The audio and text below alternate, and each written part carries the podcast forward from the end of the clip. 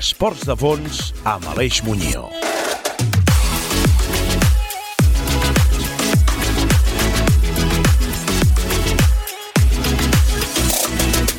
Bon dia, bona tarda, bon migdia, bon vespre o bona nit. També per al noi que portava el patinet que gairebé m'atropella venint cap aquí a la ràdio. Sigui quan sigui, que, quan ens estigueu escoltant, sigui d'on sigui, des d'on i quan ho feu, benvinguts a 13. Benvinguts al 98è 13, el programa dels esports de fons. Aquí a 13 desgranem i escollim aquelles notícies del món de l'actualitat dels esports de fons, de ciclisme en totes les seves modalitats, de triatló, de dualó, d'esquimo, d'atletisme i de trail running. A 13 també tenim espai per la psicologia, la nutrició, la cuina, l'entrenament, el material, les curiositats, les reflexions i les anècdotes, les rutes, els e-esports i també per conèixer una mica més a protagonistes de l'esport amateur i professional. Tots tenen espai a 13. I sabeu per què? Doncs perquè a 13 hi cabem tots i totes, els que feu anar a la cinta del gimnàs, els que trepitgeu l'asfalt urbà, els que pedaleu per anar a la feina, els més ràpids, els més lents, els que us piqueu i motiveu per guanyar fins i tot a la vostra ombra, els que us agrada sentir la sang a la boca, els que us motiva a portar un dorsal al davant, els que fan anar una e-bike, els puristes, els mainstream, els modernets, posturetis, els que es motiven fent patar tots els coms, els globeros o els que senzillament gaudeixen de notar l'aire a la cara, tot fent una mica d'esport. Tots i totes tenen una cosa en comú. Són fons addictes, com nosaltres. Aquí és la casa de tots els apassionats i apassionades dels esports de fons. Aquí és la casa de tots aquells i aquelles que no ens fa res passar fred al matí. Matinar per fer allò que més ens agrada. Els mateixos que quan tothom ja s'ha recollit a casa sou capaços de calçar-vos les bambes i aneu a córrer desafiant el poder del sofà quan tothom ja està calentó preparant el sopar. Els que quan veieu 9,6 quilòmetres al vostre GPS doneu voltes per davant de casa per fer els 10K i que formeu part de l'equip de descobridors dels termes municipals, propis i dels municipis termeners i de les vostres comarques. 13, una producció de We Run per a Ràdio Sabadell i que podeu escoltar a la vostra ràdio de proximitat gràcies a la xarxa de comunicació local de Catalunya. I també subscrivint-vos al podcast de Spotify. 13, tal com sona. 13.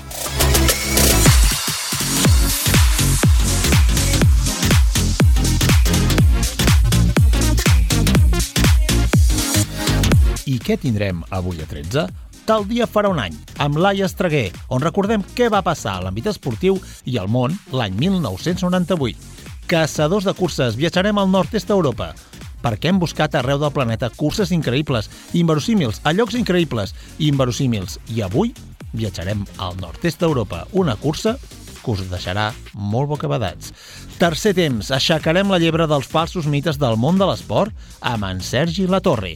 I ara que sabeu què és el que s'hi dona, comencem l'hora de 13. Recordar el passat i fer un remember és l'objectiu de la secció on la Laia Estreguer cerca l'any que coincideix amb el número de programa per recordar-nos què va passar en l'àmbit esportiu i en l'àmbit general. Avui, el 1998.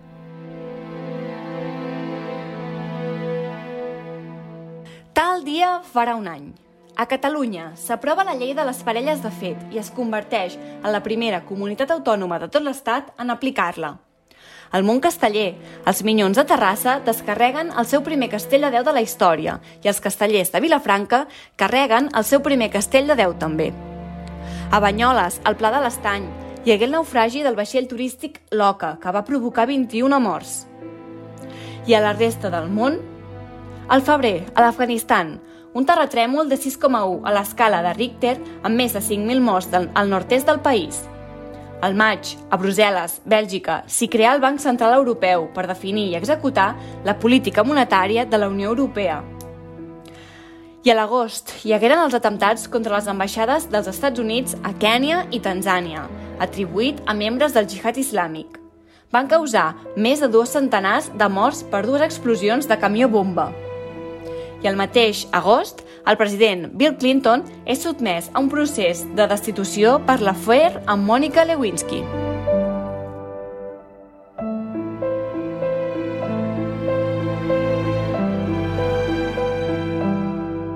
I en el món dels esports d'aquell any 1998, l'italià Marco Pantani va guanyar el Tour de França, però a més a més es va proclamar vencedor del Giro. Pel que fa a la Vuelta, la va guanyar Abraham Olano. D'altra banda, el Campionat del món de ciclisme en ruta, a la categoria masculina, va guanyar el suís Òscar Carnenzi i a la categoria femenina Diana Gilioté. El Campionat del món de triatló va quedar en primer lloc a la categoria masculina Simon Lessing i a la categoria femenina Joanna King. Seguidament, al Campionat del món d'atletisme, a la prova de 5.000 metres, va guanyar a la categoria masculina Isaac Viciosa i a la categoria femenina Sonia O'Sullivan, que per cert el Campionat del món d'atletisme es va celebrar a Budapest. I per acabar, el Campionat de ciclocross, que es va celebrar a Dinamarca, va quedar pensador Mario de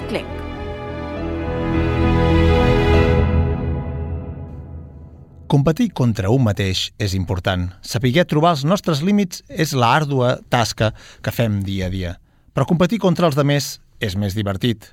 Les coses en conjunt sempre són més plenes de gaudi. I per això a Caçadors de Curses el que fem és recórrer tot el món cercant aquelles curses que són particulars, que són diferents, que ens han cridat l'atenció. Avui viatjarem fins a Finlàndia, concretament fins al poble de Sonkajärvi. Estigueu ben atents, perquè a Sonkajärvi tenen una cursa molt i molt curiosa, digna de que els caçadors de curses ens hi aturem i anem.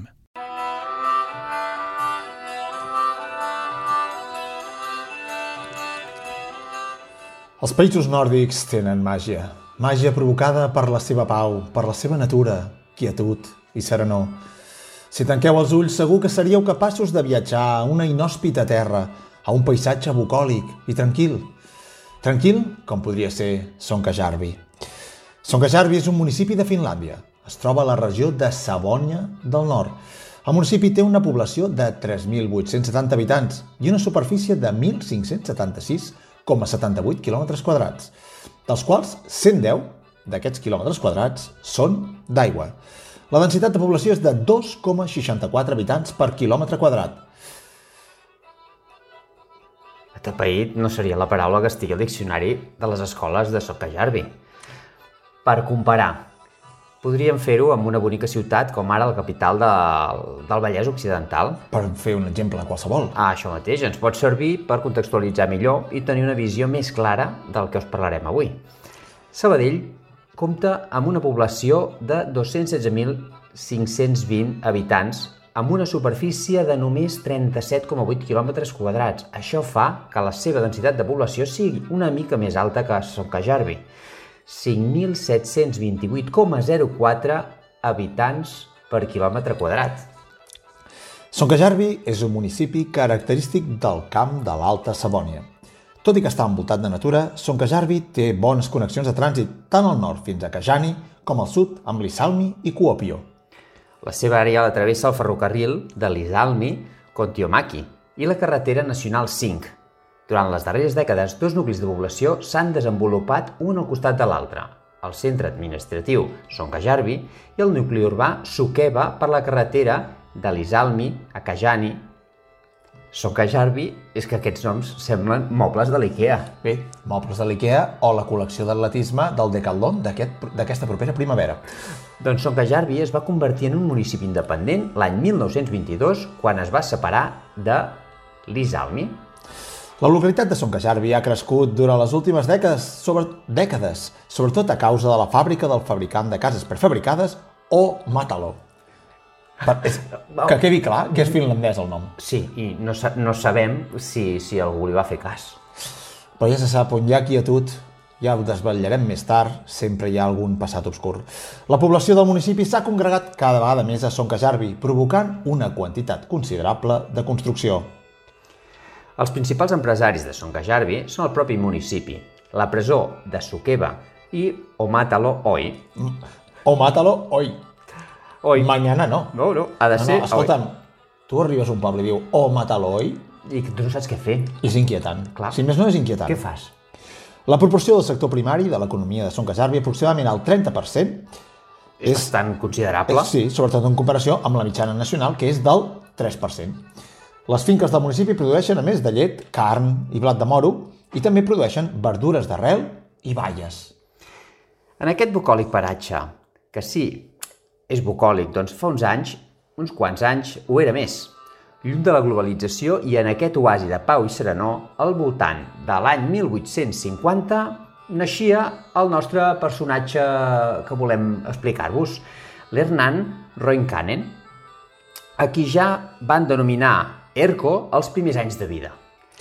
Els primers anys de vida en Herco el recorden per ser un bon noi, bastant astut, per no dir puta, però de bon cor, és a dir, que era una mica cabronet, però tampoc en excés. En Herco s'anava fent gran i aquestes trapelleries i malifetes quedaven enrere. Havia madurat i era més just, més amable, però no se sap per què perdia les feines de forma bastant recurrent. Però un bon dia va descobrir una feina amb la que era bo de debò. Les sabates. I no netejant-la, Que és molt digne. és digníssim, sinó fent-les. El bo d'en Herco no només feia bones sabates, sinó que era un gran festejador. Mira, ja l'hem trobat un altre ofici. I a la fi va trobar uh, un amor verdader, l'amor de la seva vida. Però què passava aquella època? Que, bueno, que tenir parella estable, uh, per tenir parella estable havies de tenir un lloc on, on geure, no? I en aquella època, sense una feina uh, fixa, uh, en bo d'en Herco no s'ho podia permetre. Sí, sí, sí. Ell era aprenent de sabater. En Herco era aprenent de sabater i sense ingressos propis. No tenia ni habitació. I la història d'amor es va estroncar. Segueix els esports de fons a Trets Spotify.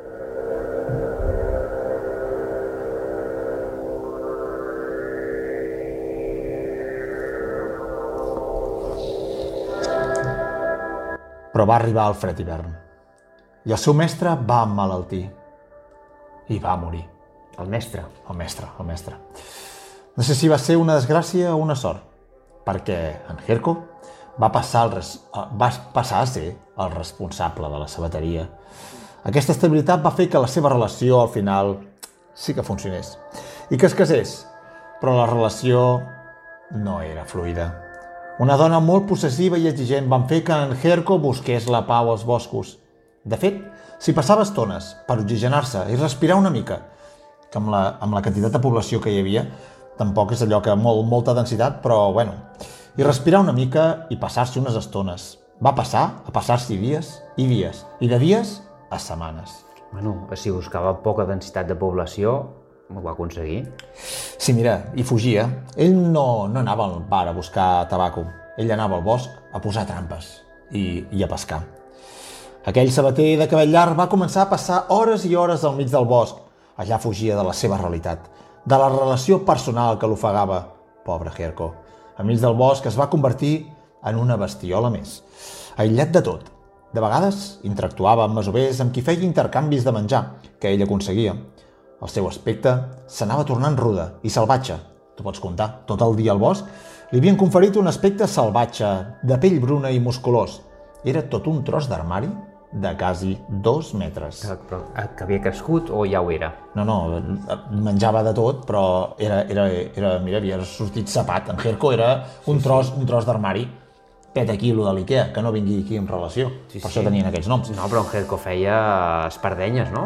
Sabetes sab- i... sab- sabates, clar, però per mira, escolta'm. i Exacte. De tant en tant, quan es cansava les seves llargues estades d'alliberament, tornava al poble, tornava a casa.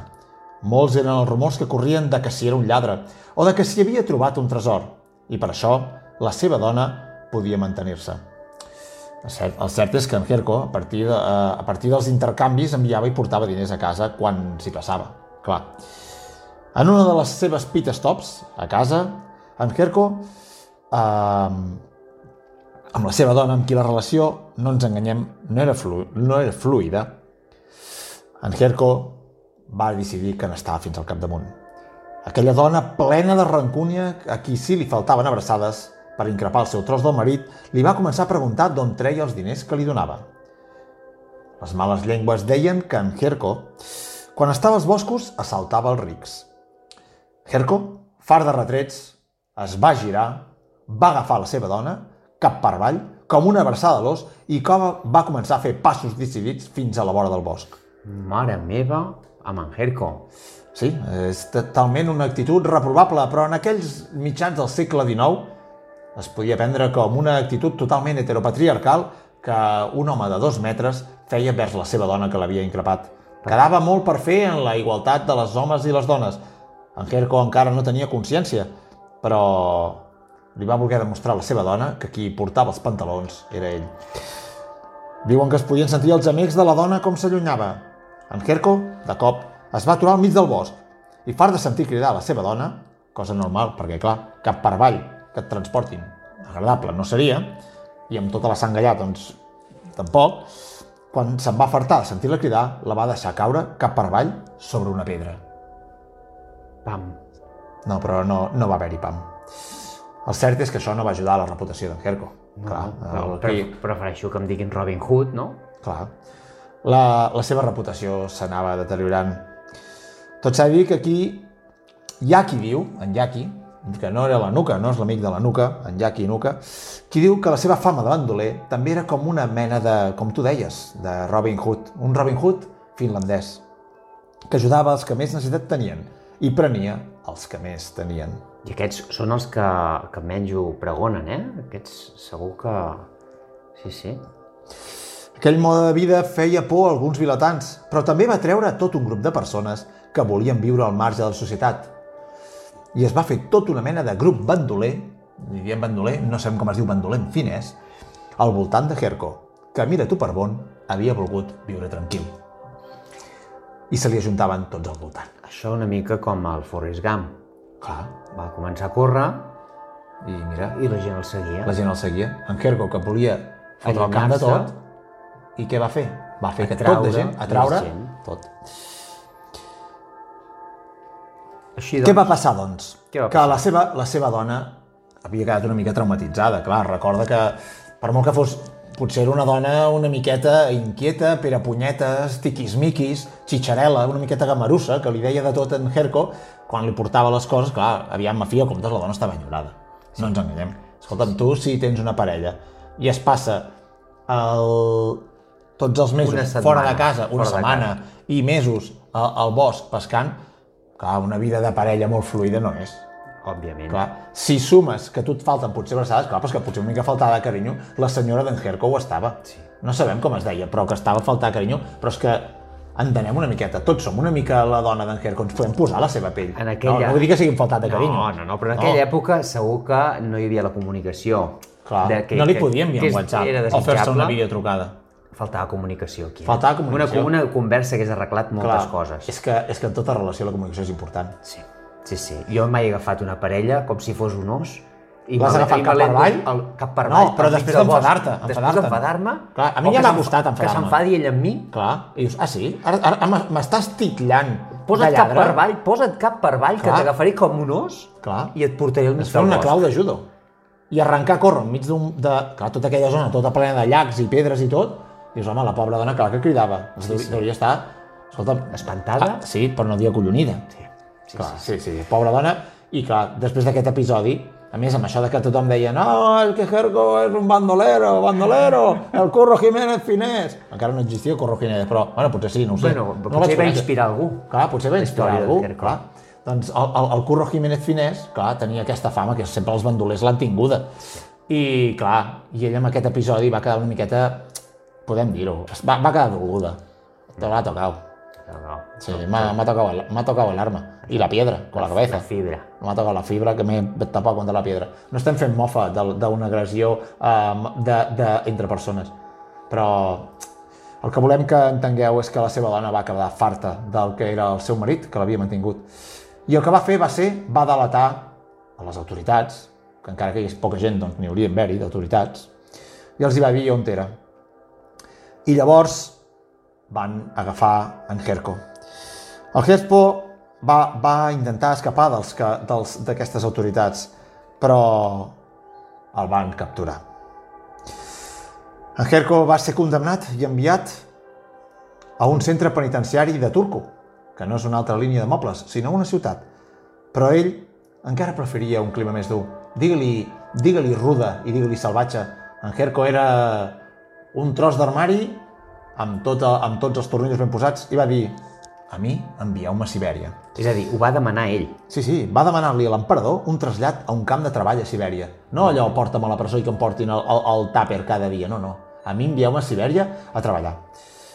Però quatre anys després, quan ja s'havia fartat d'aquest camp de treball, va dir, me voy. Va fugir-ne. En Herco va tornar a Soncajarvi. 13 esports de fons amb Aleix Muñio. Uh, aviam, on estàvem? On, on ens havíem quedat? Uh, en Herco, sí, i, molt bé, guionistes. En Herco havia tornat a Soncajarvi, la ciutat que l'havia vist néixer. La ciutat que l'havia vist néixer, però el que no va veure ell va ser a la seva dona. La seva dona, sense ingressos, 4 anys amb el, amb el seu marit als camps de treball de Sibèria, se n'havia anat a casa d'un familiar quilòmetres enllà. En Herco, quan va tornar, es va trobar a tota la colla de bandolers que s'havia fet al seu voltant que encara vivia als boscos a prop de Soncajarvi. Digueu-li dieu mascle alfa o digueu-li rei lleón, però ell va reclamar el seu lloc de líder amb una prova bàsica. I d'aquí ve per què estem avui parlant de Soncajervo, Soncajervi, perdó, i d'en Herco. He fet aquí un matxembrat. Perquè d'aquí d'aquí ve el, la, la, els caçadors de curses i de, de, el per què hem trobat aquest, aquest espai avui. M'estàs m'estàs dient que els hi va proposar fer una cursa per demostrar qui mereixia ser el líder del grup? Sí, el follow the leader se'l va inventar en Herco, perquè com va reclamar el seu lloc de líder, va fer-ho molt bàsic, molt bàsic. També tot s'ha dir, era un home de dos metres, per tant, segur que tenia maneres molt persuasives de fer-te entendre que ell era el líder. Però volia ser un home just, volia que a les competicions potser era el senyor Baró de Coubertin, es va inspirar en Herco. Però en Herco va dir que guanyar-lo a la cursa, a la ruta que Herco havia escollit, que era recórrer amb una soca d'arbre a través de fang i llacs i boscos de la zona. És a dir, guanyar-lo en una cursa a través de tot el paisatge accidentat de on estaven. Però aviam, aviam, amb una soca d'arbre, aquí a mi em falten detalls. Sí, no era basc, la veritat és que no era basc, però eh, la soca no podia ni caure, d'acord? Ni podia tocar terra, ni es podia caminar durant tota aquesta cursa que, que havia proposat en Herco. És a dir, tu et feia agafar un tronc, un tros d'arbre, clar, no sabem aquí la longitud, la nostra documentació no arriba fins a quin punt era gran aquest, aquest tronc, i havies de córrer d'un punt A a un punt B, no podies caminar entremig de tolls, de fang, de, de, de llacs i de, i de tot això accidentat i de pedres, amb un tros de tronc al braç, i el que arribava primer, si el guanyaven, passaves a ser líder. La ruta escollida per Hercon, com bé diem, transcorria per terrenys difícils i al corredor es trobava arbres caiguts. A més, estava ple de rierols. A partir d'aquest dia, aquesta cursa es va considerar la prova d'entrada a les tropes de Ronkainen. Ronkainen, que hem dit que era en Ronkainen, perquè ara aquí... Que, que, que, que, Ara ja, quan tornes ja, mm, evoluciona el personatge, ara ja l'anomenem com el senyor Ronkainen. el senyor Ronkainen, el senyor Herco, clar, el Herco, les tropes d'en Ronkainen, del Herco. Aquella gent que vivien com salvatges feien una mica de por. I això, no ens enganyem, feia que la sociabilització fora del grup fos complicada. Per tant, les relacions, si havien de ser amb dones, eren difícils. A no sé que s'ho fessin entre ells i que, i que tinguessin un altre tipus de pràctiques, si volien eh, tenir relacions amb dones, eren difícils. I què feien? Diuen que hi havia una mena de salt vers les dones del poble. Les relacions fora del matrimoni eren recurrents. Hem de pensar que era una època on, en tot cas, la gent es casava per conveniència i potser no tant per amor. Amb la qual cosa, a vegades també, aquestes, aquestes dones, els, aquest morbillo del bandoler, doncs també s'hi prestaven. Les relacions fora del matrimoni, com dit, eren recurrents i per assolir el seu objectiu d'aparellament i fugir amb la seva parella s'embolicava la noia al voltant de les espatlles i tancaven les mans i els peus amb una ferma subjecció. Corrien vers el bosc per tal de trobar un raconet de pau per intimar una mica. Aquestes noies també, però, certament, a vegades no ho feien amb la seva voluntat. Per molt que d'aquesta promiscuitat degut al, al seu matrimoni infeliç, eh, a vegades no era així. I a vegades aquests bandolers doncs, exercien, exercien La força- una, la la, força física. La dir, força física. Eren segrestades segrest. en contra de la seva voluntat i que davant del perill de no caure per al terreny tan accidentat s'aferraven fort al seu segrestador. Si ens fixem en això, amb el que va fer el senyor Herco amb la seva dona quan aquesta li, li va tirar la cavalleria per sobre, comencem a veure tota una sèrie, una sèrie d'elements i paral·lelismes que ens faran entendre per què caçadors de curses hem anat fins a Finlàndia. Però aquesta pràctica fa 30 anys que es va voler recuperar. És a dir, eh, va haver-hi un temps que la gent va posar seny i van veure que això no era manera, no? que no és correcte. I... I- I no vol dir que fa 30 anys la gent s'hagi dedicat a segrestar dones en contra de la seva voluntat. Però va haver-hi algú que, recuperant el que feia en Herco, va decidir que això eh, era, era un, un, un fet eh, notori del lloc, un fet històric, i va voler establir-ho dins d'uns cànons que no deixen de ser una mica eh, heteropatriarcals, doncs va voler-ho recuperar, però sense establir cap tipus de pràctica delinquiva o vexativa. Tot i que no ens enganyem, Joan, eh, algun element heteropatriar heteropatriarcal té, conté i manté. Al- Almenys en el seu origen ho és. Sí, però No potser senyors de... de, de, de so- ai, Solvikonen. Sol, Solvikonen no, Sonkajarvi. Sonkajarvi. Senyors de Sonkajarvi. N'hauríem de revisar la vigència o modificar-ne el reglament. Mhm. Sí, i diem reglament perquè des del 1991 No sabem si impulsat per l'any preolímpic de Barcelona la població de... Sol- Sonkajarvi. So- Sí. Uh, van recuperar el que feia en Herco i la seva banda. Des de llavors, el primer cap de setmana de juliol es celebra, es celebra, no, es celebra la Euconcanto. Sembla una tradició basca pel nom, realment. Euconcanto. I potser, mira, la pràctica una mica, una mica, basca és. I consisteix, bàsicament, ras i curt, en això. Una competició en la qual els participants masculins, per això comentàvem que es podia haver actualitzat una mica, Sí. carreguen a la seva dona a l'esquena de manera que la parella ha de recórrer un circuit que inclou recorreguts per gespa, graveta i sorra. A més, d'un per una piscina d'un metre de profunditat. Què m'es- què m'estàs dient? M'estàs dient que tu passes corrents per una piscina d'un metre de profunditat i has de portar algú carregat Cap per avall? cap per avall? Escolta'm, això, això se'n diu apnea? Se'n diu ofegament? Sí, hauríem de, de mirar on queda el cap, però... Cap, Queda- com queda s'ho fa per respirar? Doncs ha, ha de... És que Hi ha, algú, és ha, molt llarga, hi ha, la ha, com, piscina. com, és, com és la, aquesta simbiosi d'equip?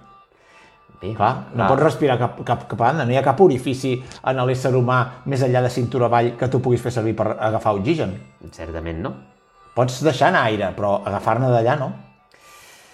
Bueno, eh, el recorregut ja el tinc clar, però anem a veure si hi ha altra normativa referent a aquesta cursa.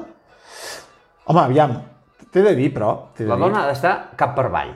Sí, Uh, L'ha de transportar L'home. L'home. ja ha de pesar un mínim de 49 quilos. Clar, perquè si no, clar, aquí... Però, i també, eh, tornem aquí amb un altre element que potser s'hauria de revisar. Què, què obté el premi, el que guanya? Se'n va fer de bandoler el bosc? No. No, ja no. Ara, ara espero que no. Quin és el premi? És el pes de la dona amb cervesa. És a dir, 49 quilos, 49 litres de cervesa. I, i aviam, uh, atenció, perquè encara que un dels contendents carregui l'altre, la, cors, la cosa, la cosa és, la, la cursa és cosa de dos. Dels dos membres de la parella, que evidentment han de col·laborar. Per tant, la competició requereix sintonia entre tots dos i una cara, una clara voluntat de treballar en equip. Però clar, aviam, en aquí el que, el que, el que ens trobem és que, que és l'home el que ha de portar la dona. Aviam, A mi això, això no em quadra, no, A mi- no em casa, a mi això em patina ja. Eh? això de, de la parella i que ja ha de ser un treball en equip em sembla fantàstic, però jo crec que es podria decidir qui porta Clar, qui. a més, una parella no només ha de ser home-dona. No, no, no, eh, òbviament. O sigui, això ho podem desmuntar, és a dir, Aquí, aquí aquesta cursa perpetua els rols eh, heteropatriarcals. sí, sí. Però bueno, mira, aviam, aquesta competició, però, alguna cosa ha progressat. Però potser en l'espai, perquè tot plegat és una mica falton, no ens, no ens hem d'enganyar. Bastant. Aviam, ja no es corre per als bucòlics paratges de... de de, de, de, anava a dir de Solvikonen. De Solvikonen no, de... Ara no em surt el nom. escolta'm. Sonkajarvi. Sonkajarvi, Però que això. jo som Cajarvi, jo veus això no ho hagués canviat. Sonkajarvi. Oh, Això era, era lo maco, no? No, sí, que no.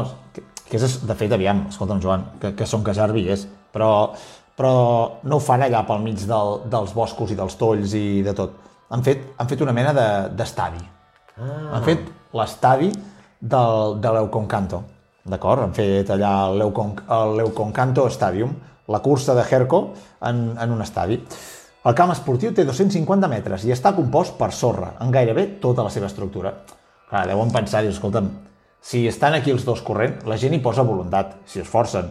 Però clar, si et cau o no s'agafa fort la teva parella o, o tu patines i la fots de cap, clar, una cosa és que caiguis damunt de com de sorra i l'altra que caiguis damunt d'una pedra, no? Clar, i que estiguis al, al mig d'un bosc Clar, que no es poden anar a, clar, a rescatar. Som, som, clar, som, potser el primer any, l'any 91, vam fer allà al mig del bosc, quan vam veure que la meitat de la gent s'havien quedat desnocats i, i trinxats, plens de fang, tots bruts, i, i, i malmesos, van dir, escolta'm, potser ho hem de revisar. Ja sé que els protocols de protecció l'any 91 potser no eren els, els actuals, però aquí han fet un avenç. Això s'ha de reconèixer. Han fet un avenç. Però la pista consta de dos obstacles de sorra i un d'aigua.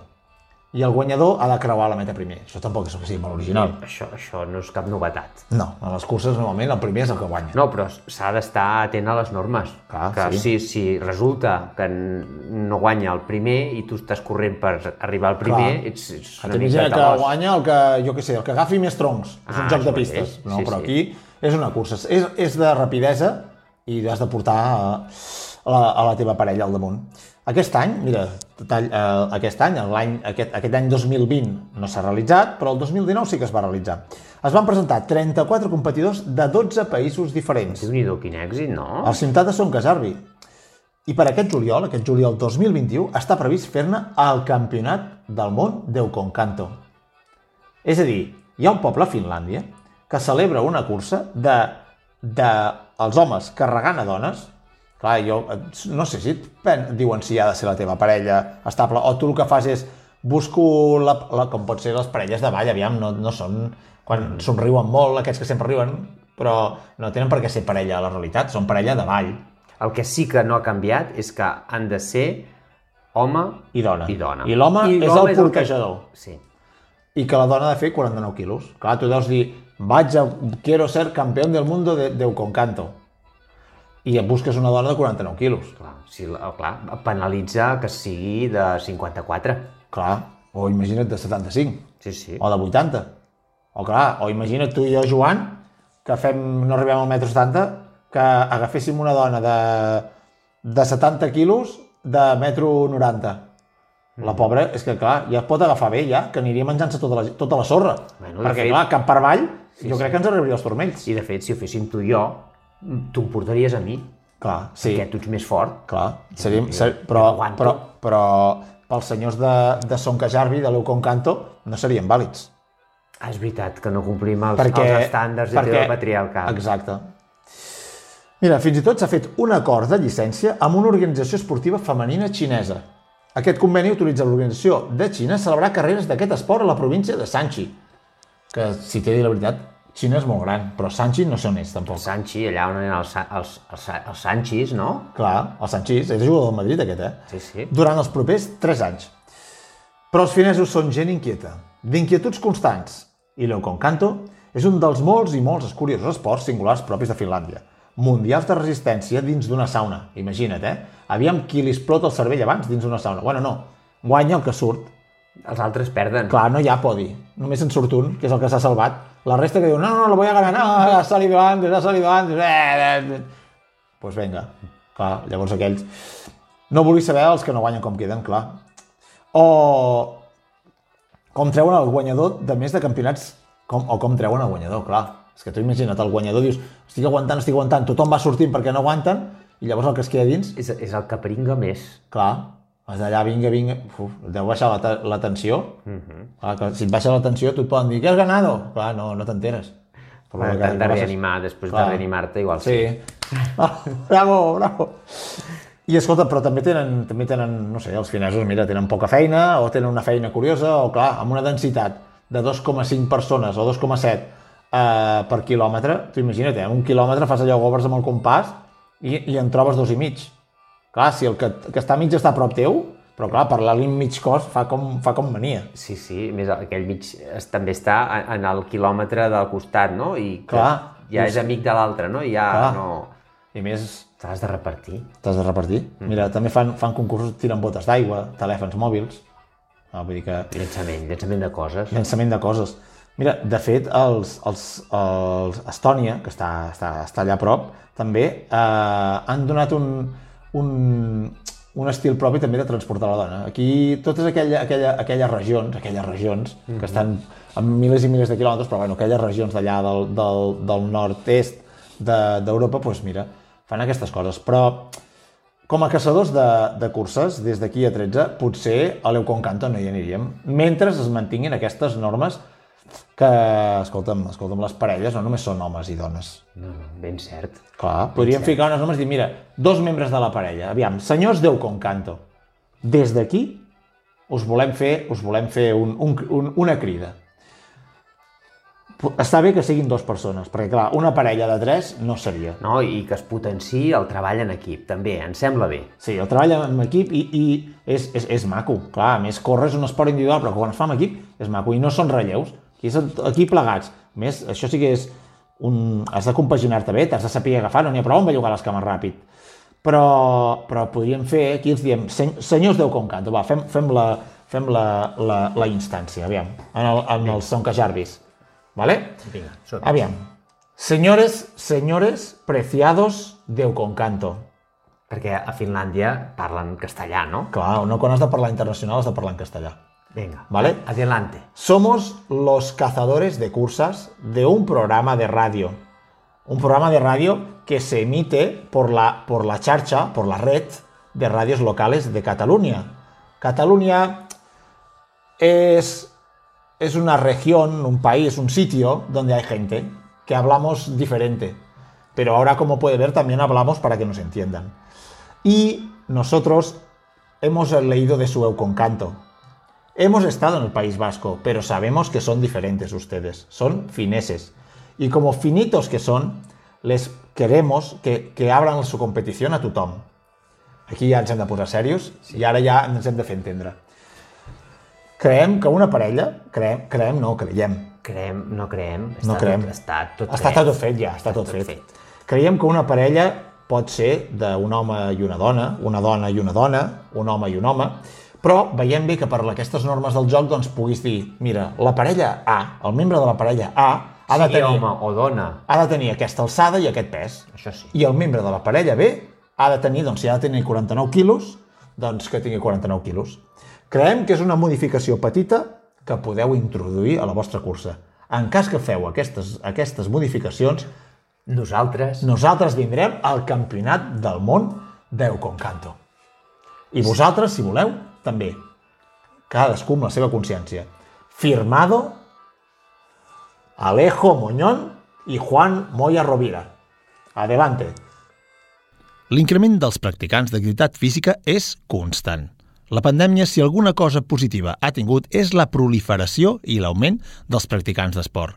Ciclisme, condicionament, running, fitness, yoga o el nom que desitgeu. Ser practicant d'activitat física no comporta que automàticament siguem esportistes. Per sort, en Sergi Latorre sí que ho és. I a més a més és tècnic, formador i també esportista. Des de la seva secció intentarem mostrar-vos i donar-vos consells per tal que cada dia tots en siguem una mica més.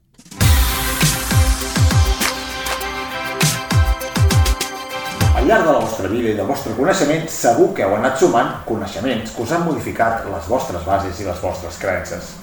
Avui, al tercer temps, la secció del Sergi Latorre, el fanàtic del rugby i el també docent d'educació física, ens posarà llum en aquells falsos mites que hem anat acumulant en el món de l'esport. Avui, al tercer temps, tornem a tenir en Sergi Latorre. Diuen que al voltant de P3, P4, P5 és quan comencem a relacionar-nos i adquirir coneixement. De fet, adquirim coneixement des de que som res, una petita marfallona que apareix al món. Però Sergi Latorre fa molt temps que ha adquirit coneixement. De fet, ja no va ni a P3 ni a P4. I tot i que els seus alumnes a vegades ho sembla, i tot i que els seus, el- els seus pupils també potser ho semblen, el Sergi Latorre avui, al tercer temps, el que ve a il·luminar-nos és en trencar aquells mites que erròniament hem adquirit al llarg de la nostra vida. Sergi, És cert que, que les coses a vegades no són com ens pensàvem. És cert, és cert. A vegades bueno, veiem coses o escoltem coses o llegim coses que no són totalment certes. I us ho diu el Sergi. El Sergi, una persona que en una setmana ha passat de 1.000 seguidors al TikTok a més de 30.000. Potser, potser és per algun fet que, que també ha trencat les seves creences. Però avui, al tercer temps, el Sergi no ens parlarà del TikTok, o potser sí, no sé. No, no és això, oi que no? No, no, avui no, avui no. Avui no, avui no, un altre dia en parlem. Però, però avui, ara, eh, eh, mofetes i bafetes eh, a part, mofetes, vull dir bromes, clar, mofetes, no, aquí tots, aquí tots anem polits. Eh, mofetes a part, eh, hi, ha, hi ha mites al món de l'esport que tu, com a professional, has detectat que, que es repeteixen i que per molt que es vagi formant és com un, com un, un peix que es menja la cua, que, que són cícliques i que es mantenen allà. I que per molt que ens anem il·lustrant, tinguem moltes xarxes socials, que això en podríem parlar a part també, eh, segueixen, segueixen passant que hi ha uns mites que, que, que hi són. I tu avui vols posar llum en aquest camí, vols posar claror en aquest món de foscor, vols aclarir la boira que inunda el nostre pensament. Sí, podem parlar d'uns quants, perquè clar, hi ha molts. Però sí és cert que, els, que hi ha mites que mai s'eliminen, o mai desapareixeran, millor dit.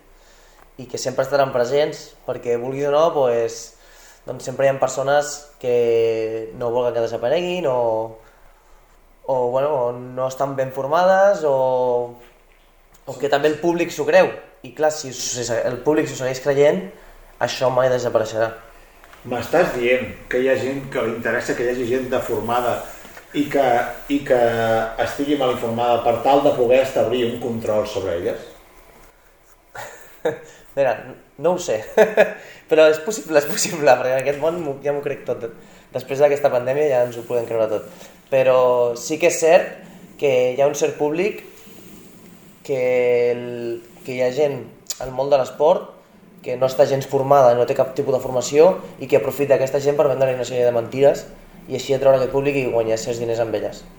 És a dir, m'estàs dient que el món del ganyifatisme i del de, el món d'aprofitar-se dels demés, l'esport i el món dels tècnics esportius no n'estan exempts. No, no, no. I més, pensa que és molt més fàcil perquè, que altres mons, perquè mm, tu li estàs venent una millora física a, mol, a molts d'ells. I ja no estem parlant d'un rendiment físic, sinó una millora física. Llavors, si aquesta persona millora físicament, ja pensarà que tot el que... Clar. Tot està bé, si tu et diu, mira Aleix, que per perdre pes només has de beure un got d'aigua al dia. Clar que perdré Aleix, clar que perdràs pes, un got d'aigua al dia... Et deshidrates. Et deshidrates... Eh, no, et diu, has tot... de córrer dues hores al dia i beure un got d'aigua. Clar, potser corrent dues hores al dia, si tens una dieta saludable, eh, segurament aniràs perdent pes. Però clar, no vindrà a ser pel got d'aigua, sinó perquè has fet dues hores de, de, de córrer. Ara, bueno, i, perquè no... I que també duraries pocs dies. Si, sí, si, només, si corres dues hores al dia i veus un got d'aigua, alguna altra cosa hauràs de veure, perquè, perquè clar, si no, no, no arribes. Al quart dia no hi arribes. Però aviam, va, anem, anem al gra, com, com va dir aquell agricultor, i, i digue'm, aviam, quines, quins són els, els 5, 6, allò, mites eh, més, més clars que tu, que tu creus que hem de, que hem de deixar avui eh, palesos de que esto no puede ser, senyorita, Mira, el primer de tot és que suar, suar a prima és un mite. És un mite. Suar no a prima. D'acord? Quan nosaltres fem exercici físic i suem... Suar no prima. Encara que us emboliqueu amb el paper al val dels entrepans, que no s'ha d'anar amb paper al val, que s'ha d'anar amb boca en roll, a, no prima. Clar, a què em refereixo? Ho explicarem, vale? Quan, si nosaltres agafem i ens passem abans a fer eh, dos hores de bicicleta, eh, eh, running, el que nosaltres vulguem, vale? si no, tu passaràs 83 quilos. Quan tu tornis, encara que t'hagis hidrat, hidratat bé, i més si no t'has hidratat, quan tu tornis a passar després de fer l'exercici, l'entrenament, segurament pesis menys. Però no vol dir que hagis perdut greix, sinó que el que has perdut és aigua. Aleshores, eh, quan em ens diem que suar no aprima, em refereixo a això. Clar, és com la gent que veus a l'estiu que van amb un xubasquer i dius, però aquest home està, aquest home agafarà el xerrampió, està fermentant aquí. Exacte. Està fent una doble malta, ell mateix. Exacte, el que està fent és perdre líquids. Perdre líquids. Que és... Que... I el coneixement. Sí, i, bueno, i més problemes de salut que li poden donar, clar. Ah. Cops de calor, eh, bueno, marejos, encara que no desmallis, Vale, segon, segon punt.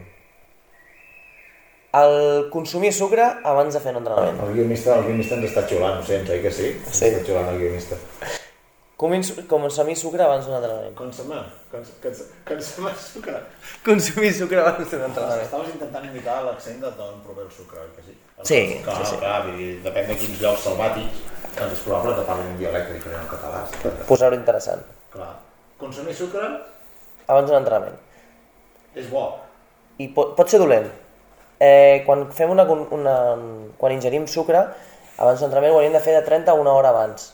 A 30 minuts o una hora abans, sucres. Sí. Sucres vol dir, però sucre estem parlant de sucre allò, una cullerada de sucre, sucres vol dir mel, sucres vol dir un gel, sucres que estaríem, tot el que, tot el que contingui sucres. Sí, bueno, sobretot a glucosa. Vale. Estic donant a glucosa. Vale? Eh, que si, si ingerim alguna cosa de sucre, que el, el sucre no és dolent. L'excés de sucre és el que és dolent. Vale? Però si consumim sucre no és dolent. Cada, a casa ens podem fer la nostra beguda isotònica perfectament eh, casera, no em surt un català, perdó. Casolana. Casolana, casolana, exacte. Merci. Homeless. No, no, homeless, Homeless, no. No, homeless és una altra cosa. Si tinguéssim aquí algun professor d'anglès a prop, segur que ens ajudaria. Exacte. Aleshores, eh, el que podem provocar menjant sucre, ingerint sucre molt a prop del nostre entrenament és, és marejos, perquè el que fa la glucosa és alliberar insulina. Si ho fem molt aviat, aquest sucre no serà, no serà digerit per l'estómac i, Això és el i tipus d'insulina? exacte, es puja i estem bastant... Que això és la cosa que Complicats. Diu, Ui, depèn de quins gels energètics et fan un tipus d'insulina, llavors t'agafa un baixón encara més fort. Exacte. Per això està vigilat què és el que porten els gels energètics. Sí, s'hauria de llegir que... S'hauria de mirar què ens prenem. Vale. S'hauria de mirar què ens prenem. Jo no dic que vagis al súper i que em miris, però sobretot a la suplementació eh, esportiva s'hauria de mirar què ens prenem, perquè et venen de tot. Vindria a ser canyicretes a tot arreu ha. Clar, abans només hi havia tres marques, però avui en dia ja uf, són incomptables. 300.000. Incomptables, sí, sí. Tercer punt. Els músculs es converteixen en greix i els greix es converteixen en múscul. El múscul es converteix en greix? Home, són diguem com coses diferents. És com dir que un os es converteix en ungles o que els ungles es converteixen en, en, en barba. Clar, però hem sentit molts cops que sí, perquè jo, sobretot al gimnàs, voy, hago cuatro pesas o corro un poco y esta grasa se convierte en músculo. La grasa és impossible que es converteixi Clar, en greix. Hi ha un estereotip del, del, del, del, del, del, del, del, del xicot de, de gimnàs amb un accent més estàndard, està bé, però, però sí, sí, la grasa se convierte en músculo y el músculo no se convierte en grasa.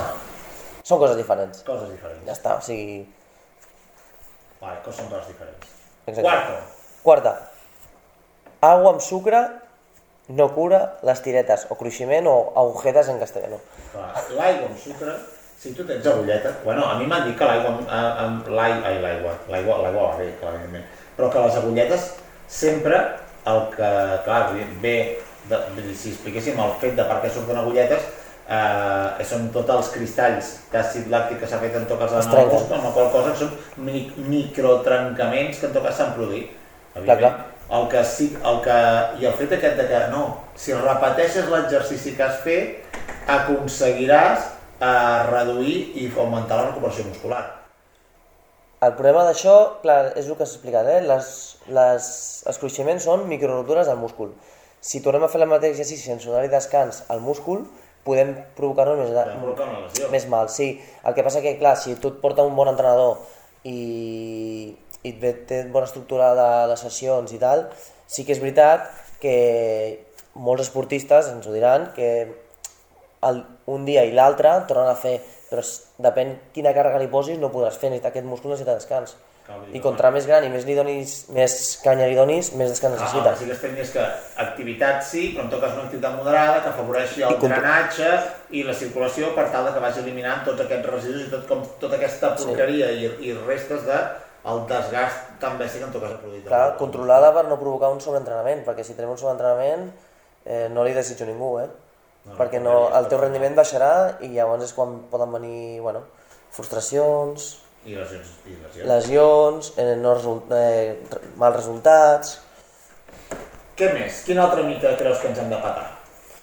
Podem patar-nos, si vols, i fem l'últim, el esport augmenta la gana.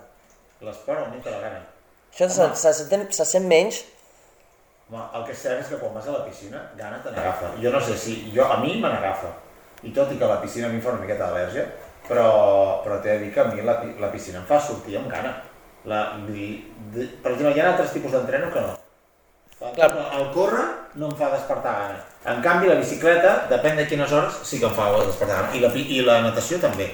Però en canvi, per exemple, el córrer a mi la gana no me la desperta. clar, però per què tens gana? Tenim gana perquè quan fem esport aquests depòsits, depòsits de glucosa que tenim al cos es, es consumeixen i el nostre, més. el nostre no? cos demana, demana xitxeta, Clar. demana, Sí. demana gasolina, diguéssim. Clar. Però no, no és que fer esport doni gana, perquè hi ha esports que no donen. Jo quan jugo a rugby tinc més set que gana, saps? Inclús podria estar un rato sense menjar, una estona sense menjar Jo ni beure. El córrer, el córrer reconec que arribo més deshidratat que no pas amb, amb gana. No sé, els escacs, que diuen que és un esport, no sé si agafen gana jugant a escacs. Per exemple, Clar, però tampoc seria un esport a fons, els escacs. És un, bueno, ja em dic, és l'esport aquell, dels que estan asseguts. Felicitats Gambito de Dama, perquè han donat molts premis, però, però no. Doncs, escolta'm, uh, és això, no? Hem fet aquests, aviam, el, el, el repassem. Fem, fem les, sis, les, sis, les sis lleis aquestes que Fem les sis lleis, bé. Són mentires, senyorita.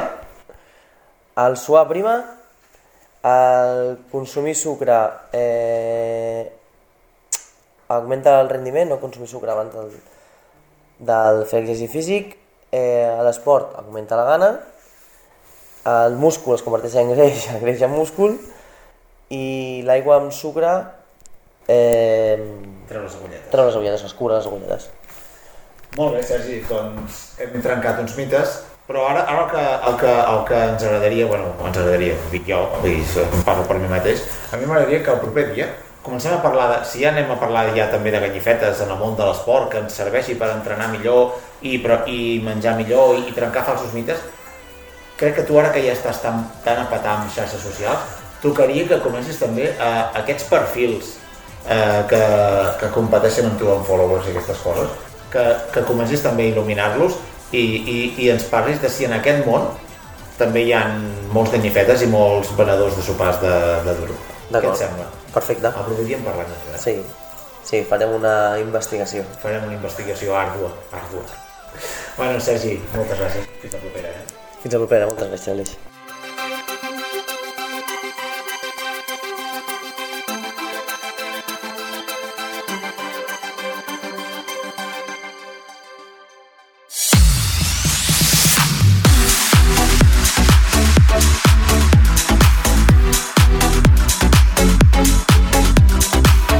Fins aquí el 13 d'avui. 98 hores d'esports de fons. Amb la coloració avui d'en Joan Moya, l'Adam Goldthorpe, en Xavi Palaí, el Sergi Latorre i els nous fitxatges, en Guillem Caldés i la Laia Estreguer. Amb el suport tècnic d'en Roger Benet i del gran Sergi Cubero. No saps quan fan 13? T'agrada treballar o entrenar amb un bon podcast? 13, quan vulguis i on vulguis. Som a Spotify. Totes les temporades de 13 a la carta. El teu podcast de Spotify. 13, tal com sona, en lletres. Podreu linkar-vos també al podcast directament des del nostre perfil d'Instagram, arroba 13 espai esports de fons. De debò, gràcies per acompanyar-nos durant el programa 98. 13, una producció de We Run per a Ràdio Sabadell i que podeu escoltar també a la vostra ràdio de proximitat gràcies a la xarxa de comunicació local de Catalunya. Soc l'Aleix Muñoz i espero que us poseu el casc, la mascareta, els guants, que vigileu i sigueu prudents, que no deixeu d'estar pendents del temps i cuideu-vos molt. No ens podem fer mal i us volem a tots i a totes aquí, a 13, a casa vostra, la casa dels esports de fons. I avui acomiadarem el programa 98 amb Gimme the Power de Molotov, un hit del 98. Escolteu-ne la lletra i encara que fos un grup mexicà, la reivindicació que evoca i la lluita social que reclama encara té molt per recórrer i totalment vigència. Us espero a tots i totes la setmana que ve.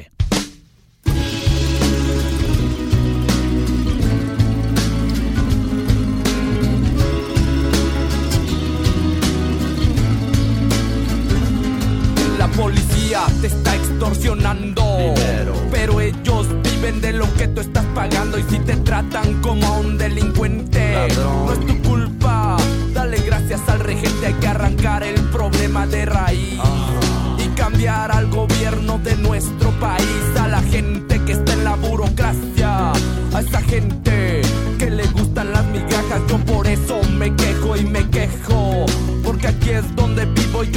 Soy un pendejo que no guachas los puestos del gobierno. Hay personas que se están enriqueciendo. Gente que vive en la pobreza. Nadie hace nada porque nadie le interesa. La gente de arriba te detesta. Hay más gente que quiere que caigan sus cabezas si le das más poder al poder. Más duro te van a venir a coger. Porque fuimos potencia mundial. Somos nos manejan mal. Dame, dame, dame, dame todo el power para que te demos en la madre. Gimme, gimme, gimme, gimme todo el poder. So I can come around to joder. Dame, dame, dame, dame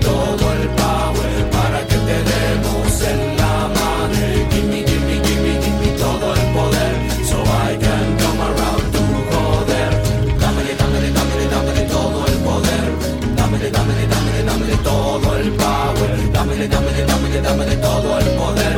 Dámele, dámele, dámele, dámele todo el power. Así es, puto. Fuck you, puto baboso. Porque no nacimos donde no hay que comer, no hay por qué preguntarnos cómo le vamos a hacer. Si nos pintan como unos huevones,